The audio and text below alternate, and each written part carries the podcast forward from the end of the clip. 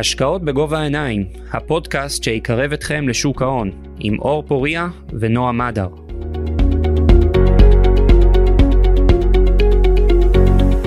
אחר הצהריים טובים, שלום לכולם, אנחנו שוב בפודקאסט שלנו, השקעות בגובה העיניים, אה, לצידי כמובן שוב אה, נועה מדר, אהלן, מה שלומך? אהלן אור, מה העניינים?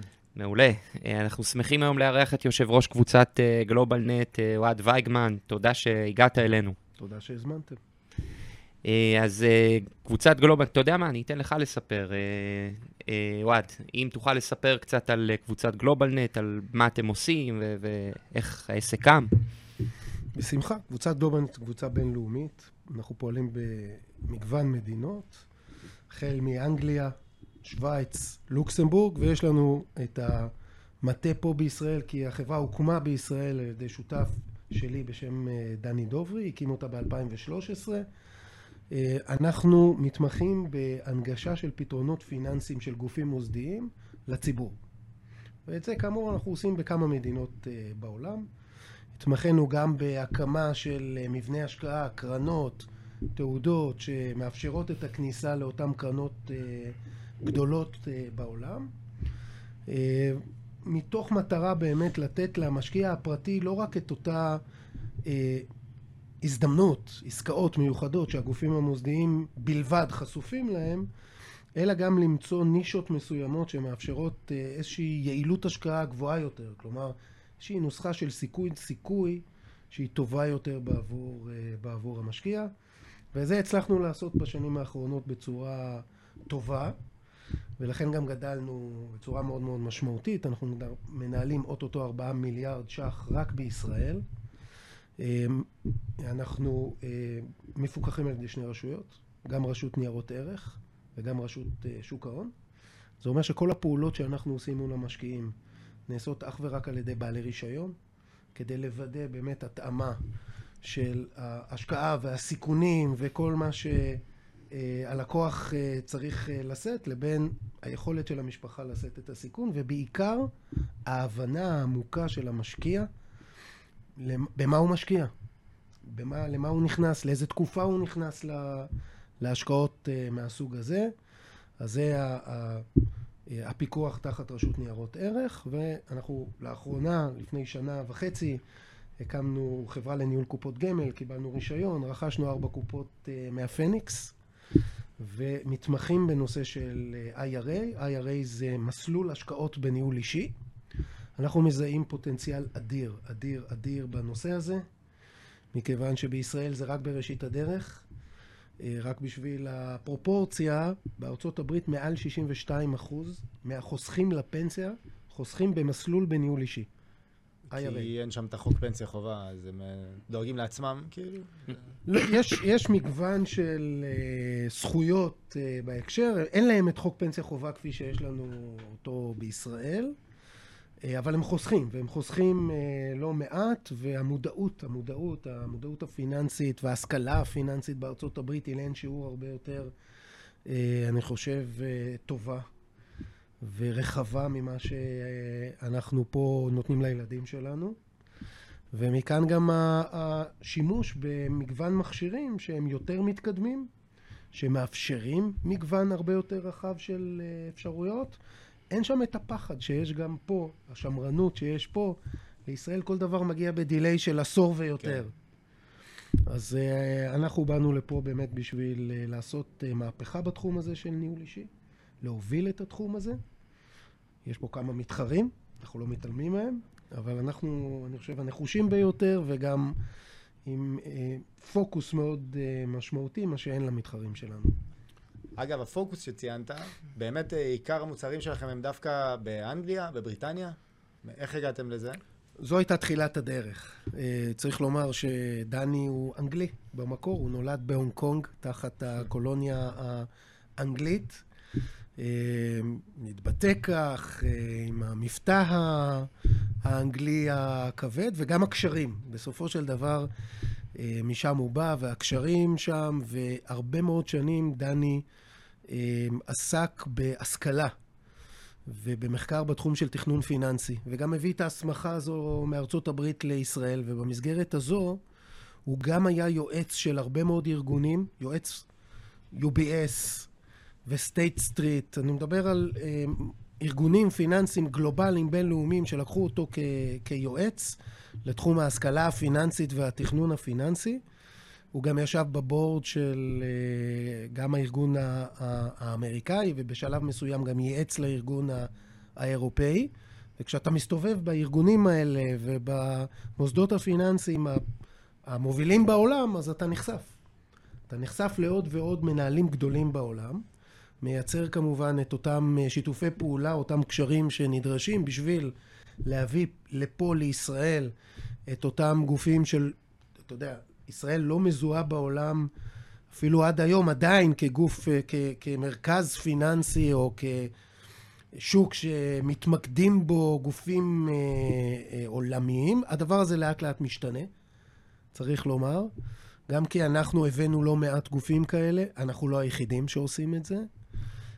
עכשיו אנחנו מנהלים משא ומתן עם גוף גלובלי ענק, מנהל 700 מיליארד דולר בארצות הברית.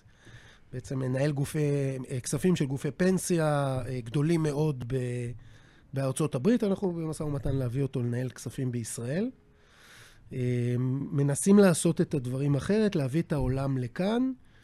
גם בגלל חוסר המודעות וגם בגלל נושא האיכות. צריך לומר שהעולם גדול, יש ניסיון רב בהשקעות בעולם. בישראל תוכל למצוא מנהלי השקעות מצוינים כשזה קשור לנכסים ישראלים, אם זה נזיל או לא נזיל, מצוינים.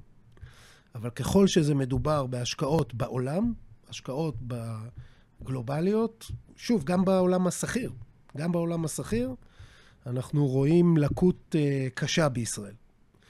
וכשכבר יוצאים החוצה, אז עושים את זה או על ידי מנהלים אחרים, כפי שציינתי, או תעודות סל, אבל אין באמת מומחיות בישראל שניתן לזהות בהשקעה בשווקים זרים, וזה עוד יתרון של גלובלנט, שבאה משם ויש לה את, ה, את היכולת להביא את הגופים האלה בעולם, גם בגלל הרישיונות שיש לנו ולא רק בישראל. אנחנו גם יש לנו חברה בשוויץ, אה, בעל, בעלת רישיון של אה, ניהול נכסים, asset manager, אה, מפוקחת על ידי פינמה. זה אחד מהרגולטורים הקשוחים ביותר בעולם. מאוד לא פשוט, לא לקבל את הרישיון ולא להחזיק אותו, אבל הרישיון הזה פותח דלתות בכל העולם. אז מכאן גם היכולת, זה הקשרים של אנשים, ו- ולעשות את זה נכון, לעשות את זה מפוקח, לעשות את זה באחריות, בשמרנות רבה. אני חושב שזה ה... עיקר ההצלחה שלנו נובע משם. טוב, גלובלנט היא בעצם אחת החברות הגדולות בארץ, ובטח כן. המשפיעות והמובילות בכל התחום של השקעות אלטרנטיביות. אה, אני חושב שאולי כדאי לשאול איך בעצם, אה, הרבה אנשים אולי לא יודעים מה זה השקעות אלטרנטיביות, ו- ומה הצורך בזה, ו- ואיך אתה רואה את העתיד של התחום הזה. השקעות אלטרנטיביות זה השקעות לא שכירות. כל השקעה שהיא לא שכירה, ויש גם השקעות לא שכירות בניירות ערך, כלומר באג"ח ובמניות, יש השקעות לא שכירות במקום הזה, ויש השקעות לא שכירות בסקטורים של נדל"ן ואשראי ותשתיות ובריאות, סקטורים שעד לאחרונה היו אך ורק של גופים מוסדיים. אולי אתה יכול להסביר איך אה, יש, אה, יש לא שכירות במניות ובאג"ח לצופים? קודם כל יש הנפקות פרטיות של אגרות חוב, גם לחברות ציבוריות יכולות להיות הנפקות פרטיות, שהן כן. לא פתוחות לציבור, שהן פתוחות לגופים מוסדיים, לגופים מתוחכמים, לגופים מקצועיים. כמובן שיש שם הטבה מאוד משמעותית לאותם גופים, וזו הסיבה שהם משתתפים בסוג כזה של אה, כן. הנפקות, אבל חלק מהחברות, אה, בחלק מההנפקות, לא מעוניינות לשתף את, ה... לא מעוניינות לשתף את הציבור. זה קצת כאב ראש. אה, לפעמים בהקשרים האלה. אם אנחנו מסתכלים, private equity פרייבט אקוויטי זה רכישה של חברות פרטיות. עכשיו, בואו נשים את הדברים. 95% מהחברות בעולם הן חברות פרטיות, הן לא חברות ציבוריות. חלקן גדולות מאוד. זה לא שהחברות הגדולות באופן אוטומטי הולכות להיות ציבוריות, אנחנו דווקא רואים לאחרונה לא מעט חברות ציבוריות שהולכות אחורה, שחוזרות להיות uh, חברות פרטיות, בגלל כל המורכבות שנדרשת בניהול של uh, חברה ציבורית, ויש שם הזדמנויות אה, אדירות. מה אין שם? אין שם סנטימנט. סנטימנט. בשוק ההון יש לנו רכיב מאוד מאוד משמעותי, רכיב פסיכולוגי מאוד מאוד משמעותי. כלומר, אם עכשיו קרדיט סוויס, שאנחנו שמענו עליה בימים האחרונים, יורדת 60 אחוז, שזה מה שקרה בימים האחרונים, אז אתה רואה פה את הבנקים בישראל יורדים בחמישה ושישה אחוזים ביום. ברור. אין שום קשר. אני יכול להגיד לך שהבנקים בישראל לא חשופים לנפילה של קרדיט סוויס. כן, גם לא ירדו חמישה-שישה, אבל הם, הם זועזעו, בוא נקרא לזה. זועזעו ותקנו תוך יומי, כן, תסתכל על בדיוק. התוך יומי, כן. אתה יודע, בוא נגיד שהתנודתיות עלתה בצורה משמעותית, כי הסנטימנט השלילי סביב הסקטור גרם לפגיעה במחיר של חברות שאין להן שום קשר לאירוע. שום קשר לאירוע הזה. אני מזכיר, זה גם התחיל כמה ימים לפני מבנקים אמריקאים, סיליקון שהפסידו... סיליקון ואלי בנק, סטורג', כן. נכון, שהפסידו הרבה מאוד כסף באגרות חוב ממשלתיות. אני אומר פה איזה משהו שנשמע מאוד מאוד הזוי, להפסיד הרבה מאוד כסף באגרות חוב ממשלתיות. זה מה שקרה לנו בשנה האחרונה, תכף נתמקד בזה קצת, כי יש פה באמת אירוע, אבל הצורך שלהם להתנזל, למכור אגרות חוב כדי לשלם פקדונות, יצר הפסדים. ההפסדים יצרו צורך קיומי לגייס כספים, וכשהשוק לא הסכים לתת את הכספים האלה, הבנק בעצם אה, פשט את הרגל פחות או יותר. עכשיו יש תוכנית חילוץ כזו או אחרת, אבל לא לבעלי המניות. ללקוחות כן, לא לבעלי, לא לבעלי המניות. ו, וזה סנטימנט, וזה המון פסיכולוגיה שמעורבת בשוק הציבורי. אז כשאני רוכש חברות בשוק הפרטי, יש לי שתי יתרונות משמעותיים. אחד, אין לי את הסנטימנט, אין לי את התנודתיות הזו שמלווה בהשקעה בנייר שכיר. השכירות פה, הרבה פעמים, היא, היא, היא לא יתרון, היא, היא ממש חיסרון אה, אמיתי בהקשר הזה, בטח של הנושא של הסנטימנט. זה דבר אחד. הדבר השני, קרנות private equity גדולות מאוד בעולם, יש להם את האפשרות להיכנס לא רק כבעלי מניות, אלא כבעלי עניין, כמי שבא לנהל את העניינים, מי שבא לעזור לעסק לצמוח. וזה כמובן כשונה שונה מבעל מניות בחברה ציבורית, וזה בדרך כלל לא משנה כמה אתה מחזיק, אתה לא הופך להיות לבעל עניין, אתה לא הופך, עם החזקתך מאוד מאוד גבוהה, כן, אבל אתה לא הופך להיות uh, חלק מניהול העסק. Uh, הפער בין זה לבין להיות חבר דירקטוריון וכן הלאה, עדיין הוא, הוא גדול. Uh, קרנות גדולות, כשהן רוכשות, הן הופכות להיות משמעותיות ביום-יום של החברה. למה זה חשוב למשקיע? זה חשוב כי אין לו את התנודתיות הזו שיש בשוק הציבורי מצד אחד. מצד שני, יש לו גוף שזה המקצוע שלו, להיכנס לחברות ולהשביח אותן. אקטיביסטיות. אקטיביסטיות, בעיקר האקטיביסטיות כמובן. ואנחנו מדברים על קרנות שלרוב עושות את זה בעבור גופים מוסדיים, הם הוקמו בעבור גופים מוסדיים, מנהלים עשרות ומאות מיליארדים. אנחנו פה בישראל מייצרים, מייצגים גוף שנקרא Partners Group, שמנהל 131 מיליארד דולר. אנחנו מדברים על... Uh, הוא דרך אגב הגוף הגדול ביותר בעולם, שגם מנהל קרנות פתוחות. קרנות פתוחות זה קרנות שמאפשרות גם uh, לציבור, לאנשים פרטיים, להיכנס ולהשתתף uh, בהשקעות, בניגוד לקרנות סגורות, שב-99% סגורות רק לגופים מוסדיים. חלק מהקרנות הסגורות גם מאפשרות כניסה של משקיעים פרטיים, אבל בדרך כלל ב-ticket, ticket, כלומר השקעה מינימלית מאוד מאוד מאוד גבוהה של עשרות מיליונים, ולאורך הרבה יותר זמן. ואני גם לא יכול לצאת בשום שלב. ב-private equity זה יכול להיות 7, 8, 10 שנים. עכשיו אני נכנס. תסכימו איתי שזה לא מתאים לכל אחד. לציבור ככלל, שאנחנו, שגלובלנט משרתת, חלק משקיעים כשירים כמובן, חלק משקיעים שהם לא כשירים, אנחנו בעלי רישיון, אנחנו עומדים על פי כל הקריטריונים, יכולים לתת הצעה להשקיע לכל סוג משקיע, ובלבד, ואיש המקצוע, משווק ההשקעות, מבין שזה מתאים למשפחה. ועושים את כל התהליך כמו שצריך, בודקים את הצרכים, בודקים את יכולות לשאת סיכון, בודקים את היכולת להשקיע בלא שכיר, זה אומר שיש מספיק כסף שכיר, שיש מספיק נזיל, אנחנו לא נותנים לכל אחד להיכנס להשקעה. יש לא מעט לקוחות שהגיעו, ואנחנו אומרים, מסוכן מדי, זה לא, השקעה לא שכירה עבור המשפחה הזו, מסוכנת מדי, לא מתאימה. לצערנו, איתנו לא תוכלו להשקיע, וזה בדיוק ה, ה, התפקיד של uh, משווקי ההשקעות, של אנשי המקצוע. אז, זה נתתי קצת על ה-private equity, אבל uh, אני חושב שמרבית ההשקעות הולכות בעיקר לחלק היותר סולידי. כי ה-private equity זה עדיין מניות. מרבית הלקוחות שלנו הם לקוחות סולידיים. לקוחות uh, מבוגרים, 60 ומעלה, שמחפשים הכנסה יחסית יציבה. בטח ובטח יחסית לשוק ההון, שגם בתקופות טובות הוא תנודתי ובתקופות פחות טובות כמובן אה, קשה ללקוחות, אה, בטח לקוחות מבוגרים, לשאת את אותה תנודתיות שיש אה, בשוק ההון, בעיקר בחלק הסולידי. ככה זרקתי על הנושא של הפסדים באגרות חוב ממשלתיות, שזה נשמע...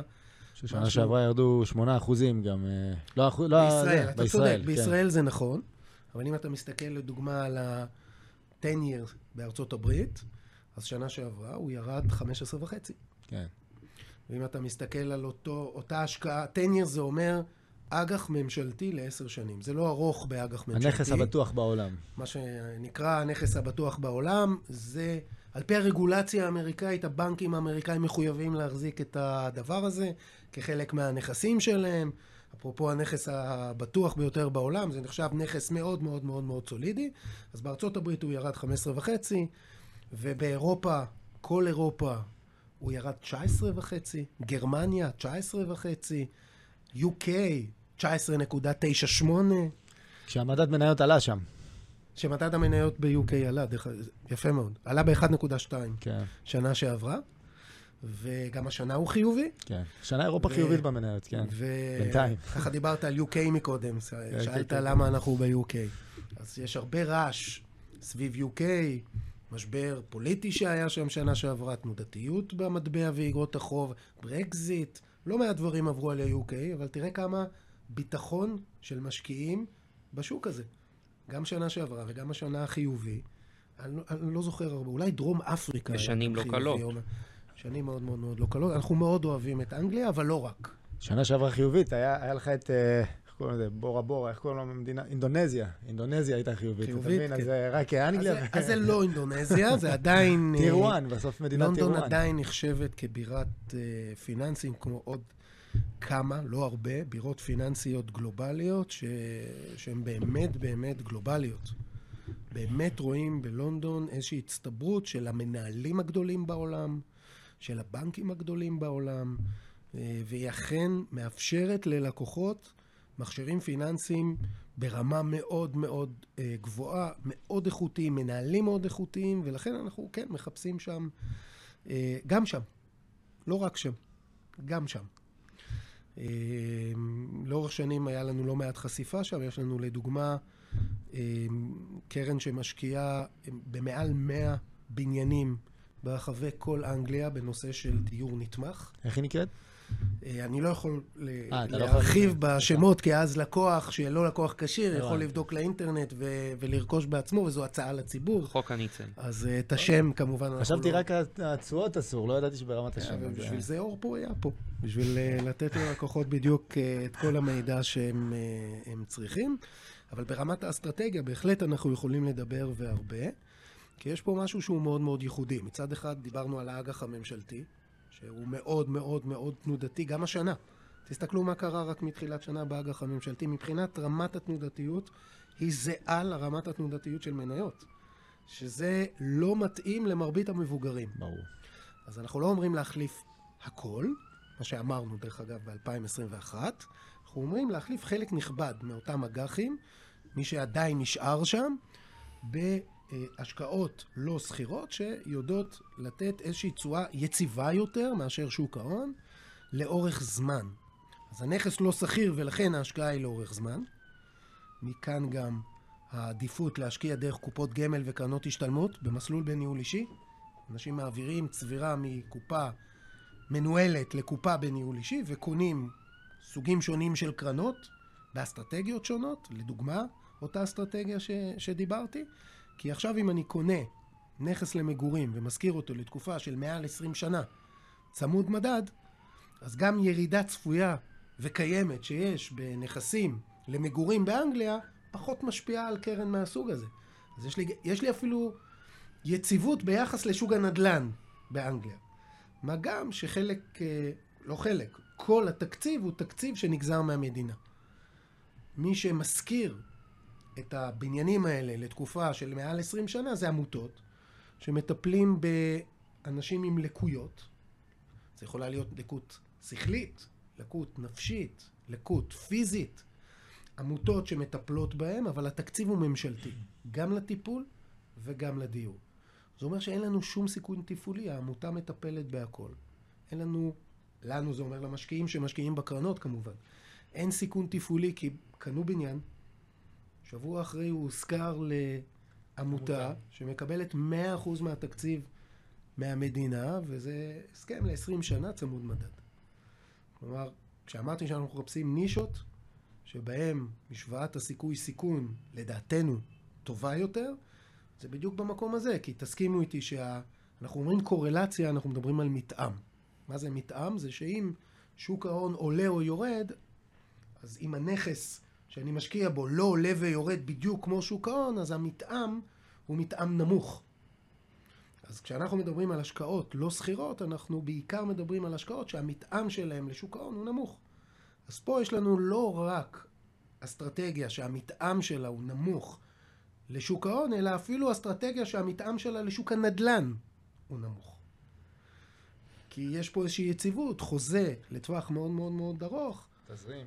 תזרים שנובע מתקציב ממשלתי, כך שאלה הנישות שאנחנו מאוד מאוד מאוד אוהבים, כי ביחס לסיכון, יש פה בהחלט סיכון שהוא שונה אפילו מקרנות נדל"ן אחרות שמשקיעות בנכסים שעכשיו יורדים וימשיכו כנראה לרדת תקופה בגלל עליית הריבית, כמו שהאג"חים יורדים בגלל עליית הריבית. אוהד, אני חושב שאחד הדברים שגם אצלנו כמובן שמים עליהם דגש זה תהליך הסינון של ההשקעות והדידי, אז, אז אולי מעניין לשאול מה תהליך הסינון וההשקעות שאתם עושים לה, להשקעות כן. אלטרנטיביות אצלכם. יש לנו צוות של עשרה אנשים שמעורבים בתהליך הזה. חציים אנליסטים, חציים חברי ועדת השקעות. האנליסטים תפקידם לעשות את הבדיקה, וחשוב לומר שהבדיקה היא לא רק לפני שנכנסים להשקעה מסוימת, אלא היא, היא בדיקה ongoing. וכשאני אומר ongoing, זו בדיקה חודשית. בקרנות שאנחנו מעורבים בהן בצורה עמוקה יותר, היא יכולה להיות דו-חודשית. של לקבל דוחות ולקבל, ו, ולעשות שיחות עם, ה, עם מנהלי הקרנות והאנליסטים ולקבל מידע, ולקבל מידע על נכסים שהם הולכים לרכוש ממש. ממש על נכסים ולעשות due diligence, כלומר בדיקות נאותות בחלק מהקרנות על, על, בדיקו, על, על נכסים שהם הולכים לרכוש, אז אנחנו מאוד מאוד מאוד עמוקים לא רק בבדיקות לפני, שתכף נדבר עליהן, אלא גם לאורך התקופה. כי זה שעכשיו לקוח שלנו עשה השקעה, אנחנו צריכים לוודא שאותה השקעה לאורך השנים מנוהלת בצורה אה, אה, שמרנית, מנוהלת בצורה נכונה וטובה ואיכותית לאורך זמן, וזה לא כל כך נעים לקרנות שאנחנו עושים, אנחנו מקבלים לא מעט תלונות על, ה, על הדבר הזה, כי זה ongoing, אתה יודע, אנחנו כן. לא מניחים מהם ולו לרגע אחד, אבל בסופו של דבר הם כן מבינים ואפילו מעריכים את המחויבות שלנו למשקיעים, כי הם, הם מבינים ש, שזו הסיבה שאנחנו גם גדלים. אותו ביטחון של המשקיע בתהליך לאורך זמן שתפקידו לשמור להגן על המשקיעים, הוא תהליך שגם מביא לא מעט אה, משקיעים נוספים. צריך לומר שאין לנו שום יכולת לוודא במאה אחוז שלא יהיו תקלות.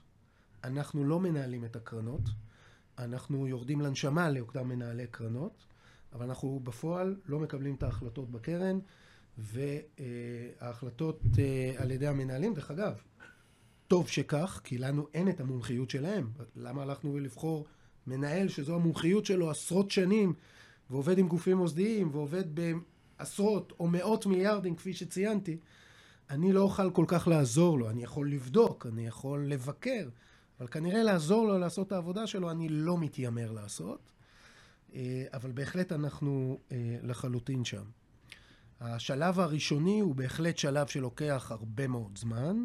בין שמונה חודשים לשנה, לפעמים קצת יותר, של בדיקות שמתחילות משיחות ראשוניות של אנליסטים וקבלת חומרים, זה עולה לוועדת השקעות כדי להבין האם הענף מעניין, סוג ההשקעה רלוונטי. אני אתן ככה בדוגמה, אנחנו עכשיו דיברנו עם אחת הקרנות הגדולות בעולם אה, בנדל"ן. אה, גדולו, גדולה, מנוסה, ותיקה מאוד, שהיינו מאוד מאוד שמחים להשקיע בקרנות שהגוף הזה מנהל, אבל מה לעשות, נדל"ן מבחינתנו כרגע, נדל"ן, בעיקר נדל"ן מסחרי כמובן, וזה עיקר המומחיות שלהם, לדעתנו זה לא השלב להשקיע. אז כשתעלה קרן גדולה עם מנהל גדול וותיק לוועדת ההשקעות, קודם כל נגיד, אוקיי, אנחנו יכולים לאשר, לעשות תהליך שמאשר את ההשקעה במנהל הקרן, אבל לא בקרן הספציפית הזו, כי כרגע לדעתנו לא נכון להשקיע באפיק זה או אחר. אז אנחנו בודקים, תמיד יש לנו גם ישיבות שמדברות אך ורק על האפיקים, באיזה אפיקים אנחנו רוצים להשקיע, באיזה סוג של קרנות אנחנו רוצים. אנחנו גם הולכים לחפש אותם, הן לא מגיעות uh, רק אלינו כמובן, למרות שאנחנו כבית השקעות גדול בהחלט, כמו כל שאר הגופים המוסדיים, מגיעים אלינו הרבה מאוד uh, קרנות, אבל אנחנו גם יוצאים uh, לחפש אותם על פי הענפים שאנחנו חושבים שמתאימים נכון לשלב הזה. שוב, אנחנו בתקופה מאוד קשה של אינפלציה גבוהה ועליית ריבית, זה לא פשוט להשקיע, גם בנכסים לא סחירים יש המון סיכונים, אז אנחנו מקפידים על ה... אנחנו קוראים לזה top down. אנחנו, כל העולם, קורא לזה top down. מתחילים מהאפיקים, לתתי האפיקים, לתתי הסקטורים, ומשם מחפשים את אותם מנהלים שמומחים באותם תתי סקטורים שאנחנו רוצים, ועושים את ה-due diligence, וזה הולך לבחינה מאוד מאוד עמוקה, כולל בחינה משפטית. בתוך המשרד, יש לנו due diligence, יש לנו עורכי דין, מחלקה משפטית שעושה את זה אצלנו. אף גוף מוסדי במדינת ישראל לא עושה due diligence משפטי פנימי.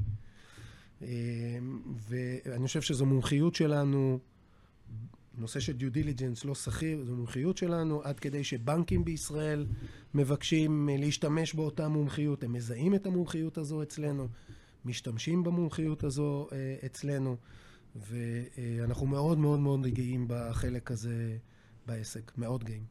אמ, עכשיו, באמת ציינת את הנושא שיש סיכונים כמו בכל השקעה, אמ, אבל למשקיע מן השורה, הוא בא אליכם, אומר לכם, אה, מה, מה הערבות שלי, מה הביטחונות שלי? אה, איך אתם מציגים לו את זה? איך אתם מסבירים לו את הביטחונות, אה, שיעבודים? באיזה צורה אתם ניגשים אליו בכלל כדי להסביר לו מה, מה, מה מגן לו על ההשקעה? אנחנו באמת אה, עולים לרזולוציה הגבוהה ביותר האפשרית בהתאם לאותו לקוח. לא כל לקוח איתו אפשר לעלות לכל רזולוציה, זה תלוי בסוג המשקיע ובמומחיות שלו וביכולת שלו להבין את הדברים. אבל בנושא הרגיש הזה שהעלית, אנחנו אה, מאוד מקפידים להבהיר ללקוח מהי רמת הסיכון בהתאם לסוגי השעבודים. עכשיו, לא בכל קרן יש שעבודים, כי לפעמים אני מחזיק את הנכס עצמו. כשאתה מדבר על, מעלה את המונח שעבוד, זה אומר שנתת הלוואה. נכון.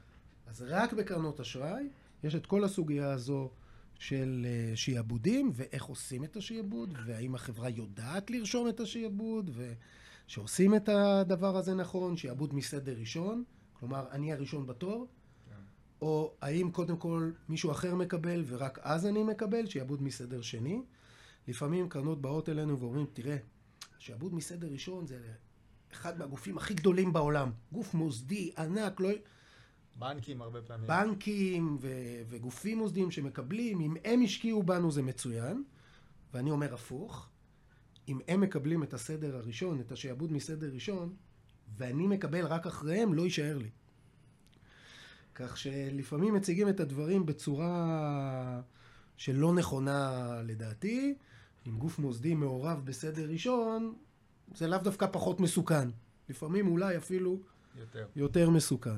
אז uh, בתהליך הדיו דיליג'נס כמובן אנחנו גם עושים איזשהו סוג של דירוג, סיכון, ואנחנו מציגים אותו ללקוח, ומנסים uh, להסביר בהתאם ליכולת להבין uh, מה רמת הסיכון. אנחנו יותר שמרנים, אני חושב, מחלק מהגופים האחרים שעוסקים בהשקעות אלטרנטיביות. אנחנו אוהבים את החלק היותר סולידי. אה, וזה מרבית המשקיעים שלנו. המשקיעים שלנו בעיקר בני ה-60 ומעלה. פחות הייטקיסטים, אני חייב להודות, כן. למרות שעכשיו כן התחלנו לחשוף אותם גם לפתרונות, אמרתי, Partners Group שעושים private equity ודברים מהסוג הזה. בקרוב ניכנס לעולם ההשקעה של השקעות משפטיות בגופים מאוד מאוד גדולים בעולם וכן הלאה. אה, גם יכול לעניין הייטקיסטים, אבל במהות, במהות, במהות, מרבית הפוקוס שלנו ומרבית ההשקעות נעשות בחלק היותר סולידי בעולם ההשקעות הלא סחירות. שגם לו יש איזשהו, מן הסתם, מדרג, אה, מדרג כזה. כמובן שקרנות נדל"ן, כמו שהצגתי, קרן לדיור נתמך, לא תחזיק ביטחונות, כי היא מחזיקה את הנכס. כן. אוקיי? נכון שיש גם את האפשרות להשקיע בדיור נתמך בצורה של אשראי, ואז יהיה כמובן את השעבוד וכן הלאה. אנחנו מפתחים גם את, ה, גם את האפשרות הזו. אמ, כל דבר ל, לעצם העניין. יש לכם איזה שהם אפיקים או סקטורים או שווקים גיאוגרפיים שנראים בעיניך מעניינים לתקופה הקרובה? כן. גם פה יש פה שמרנות מאוד uh, גדולה. אנחנו גיאוגרפית נשקיע רק במערב אירופה וארצות הברית, זה יכול להיות אולי צפון uh, אמריקה, uh, אבל אנ- אנחנו לא נשקיע בס- בגיאוגרפית, לא נשקיע במזרח כמעט, מזרח, אה, מזרח אירופה או מזרח הרחוק? גם וגם. גם וגם.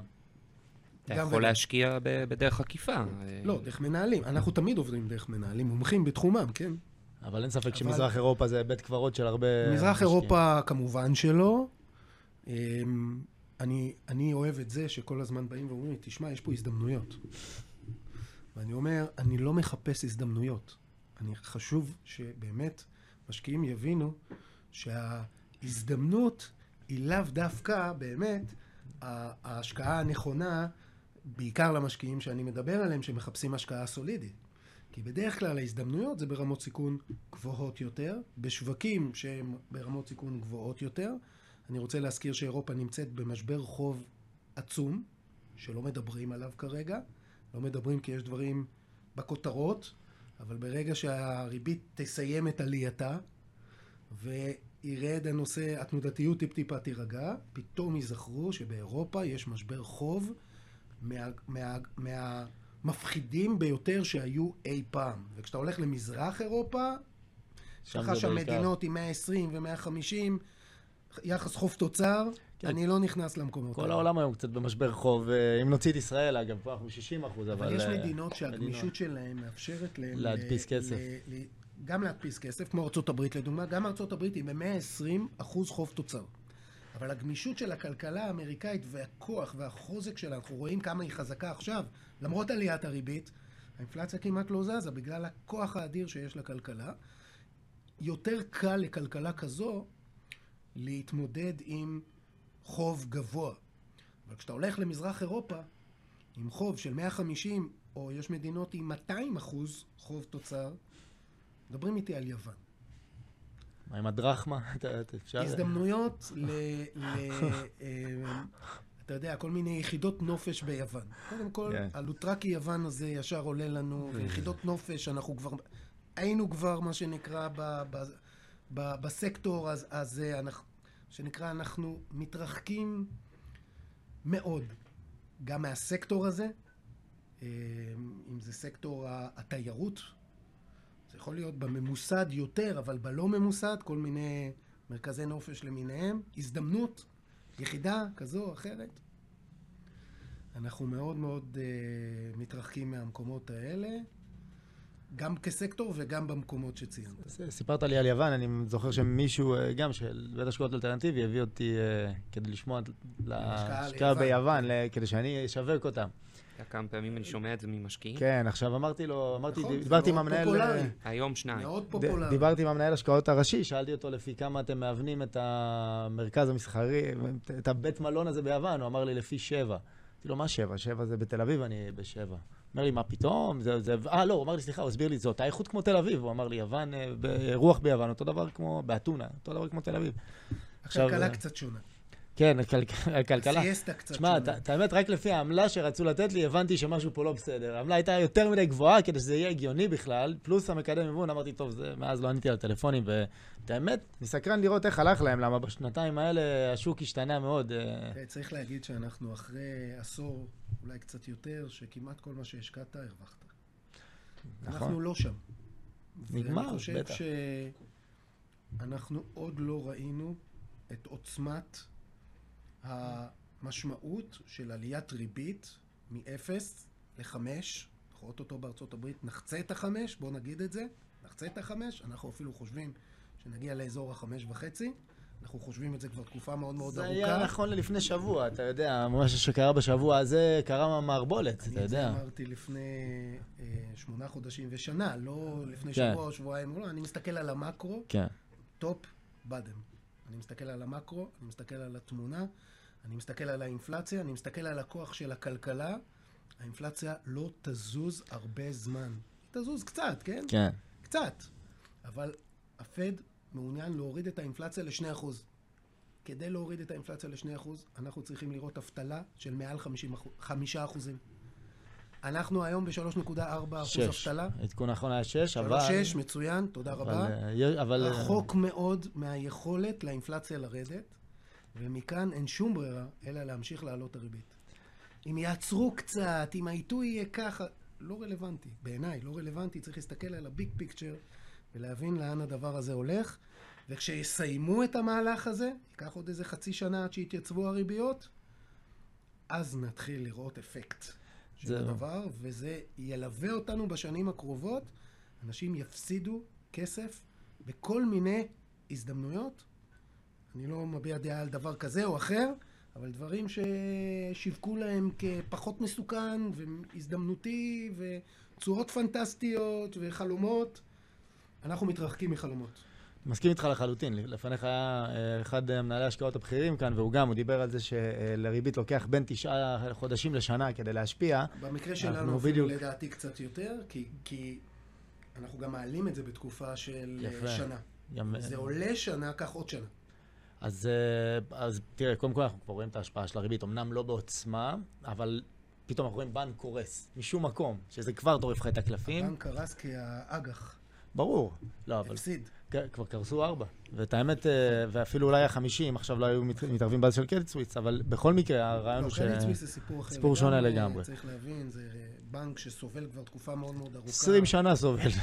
אני זוכר עוד מדנקנר. הוא הוא שהפיל את דנקנר, אחד- אחד מה. כבר דיברנו היום על הרבה דברים, גם על סלקום שהפילו את דנקנר, כל מיני דברים שהפילו את דנקנר עלו כבר על הפרק. אני לא מתייחס לאנשים ספציפיים וכן הלאה, אבל בהחלט הבנק הזה לקח סיכונים באזורים שונים בעולם, הוביל מהלכים שלא רק הוא הפסיד מהם, לא מעט ברור. כסף צריך לומר. המשקיעים לאורך 20 שנה לא הפסידו מעט בנייר. אה, אנשים סביבו הפסידו אה, כספים. ב...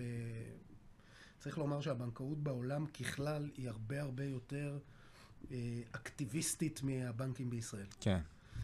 והבנקים בישראל הם מאוד מאוד מאוד שמרנים. לא שאין טעויות פה ושם, ולא שאין פה ושם אה, חריקות, אבל הבדל עצום בין הבנקאות אה, הגלובלית, וזה לא משנה אם זה שווייץ, אפרופו, או ארצות הברית, או מקומות אחרים. אה, זה הרבה תודה לאתי אלון, אתה, אתה מבין? זה הפיקוח על הבנקים כל כך חזק, והם כאלה שמרנים בגלל איזה משהו שלפני 17 שנה ככה התפוצץ. תראה איך מדבר רע יכול לצאת כל כך הרבה טוב, היום בטוח. זה... כל משבר יש אה, זה השפעות. אה, איך זה הקפיץ, תחשוב איך העבודה מהבית הוקפצה בגלל מה הקורונה. היינו עושים בלי. הקורונה, במקום זום, נוסעים כן. ברחבי הארץ. חיי. כן, כל משבר זה הזדמנות לעשות שינוי שבהחלט יכול להיות לטובה. האמת שזה מאוד מרענן לשמוע את, ה... כאילו, את המסר הזה, כי אני, אני אוהב לשמוע שמדברים uh, על שמרנות, על uh, הסתכלות באמת בצורה יותר... בצורה יותר זהיר, זהירה, פחות הבטחות, יותר uh, בוא, בוא נראה איך אנחנו נורא מייצרים קל להבטיח. זה, זה, זהו. האקסל אוכל הכל. לקיים, האקס- נכון. כשצריך לקיים, אז לפעמים זה עובד. השאלה באיזה רמת סיכון. איזה סיכון אני לוקח על, ה, על המשפחה שלי? האם זה סיכון שמתאים? האם אני באמת מבין את הסיכונים שנלווים להשקעה הזו? אפרופו, דיברנו על אזורים מסוימים שמציגים אותם כהכי טובים בעולם.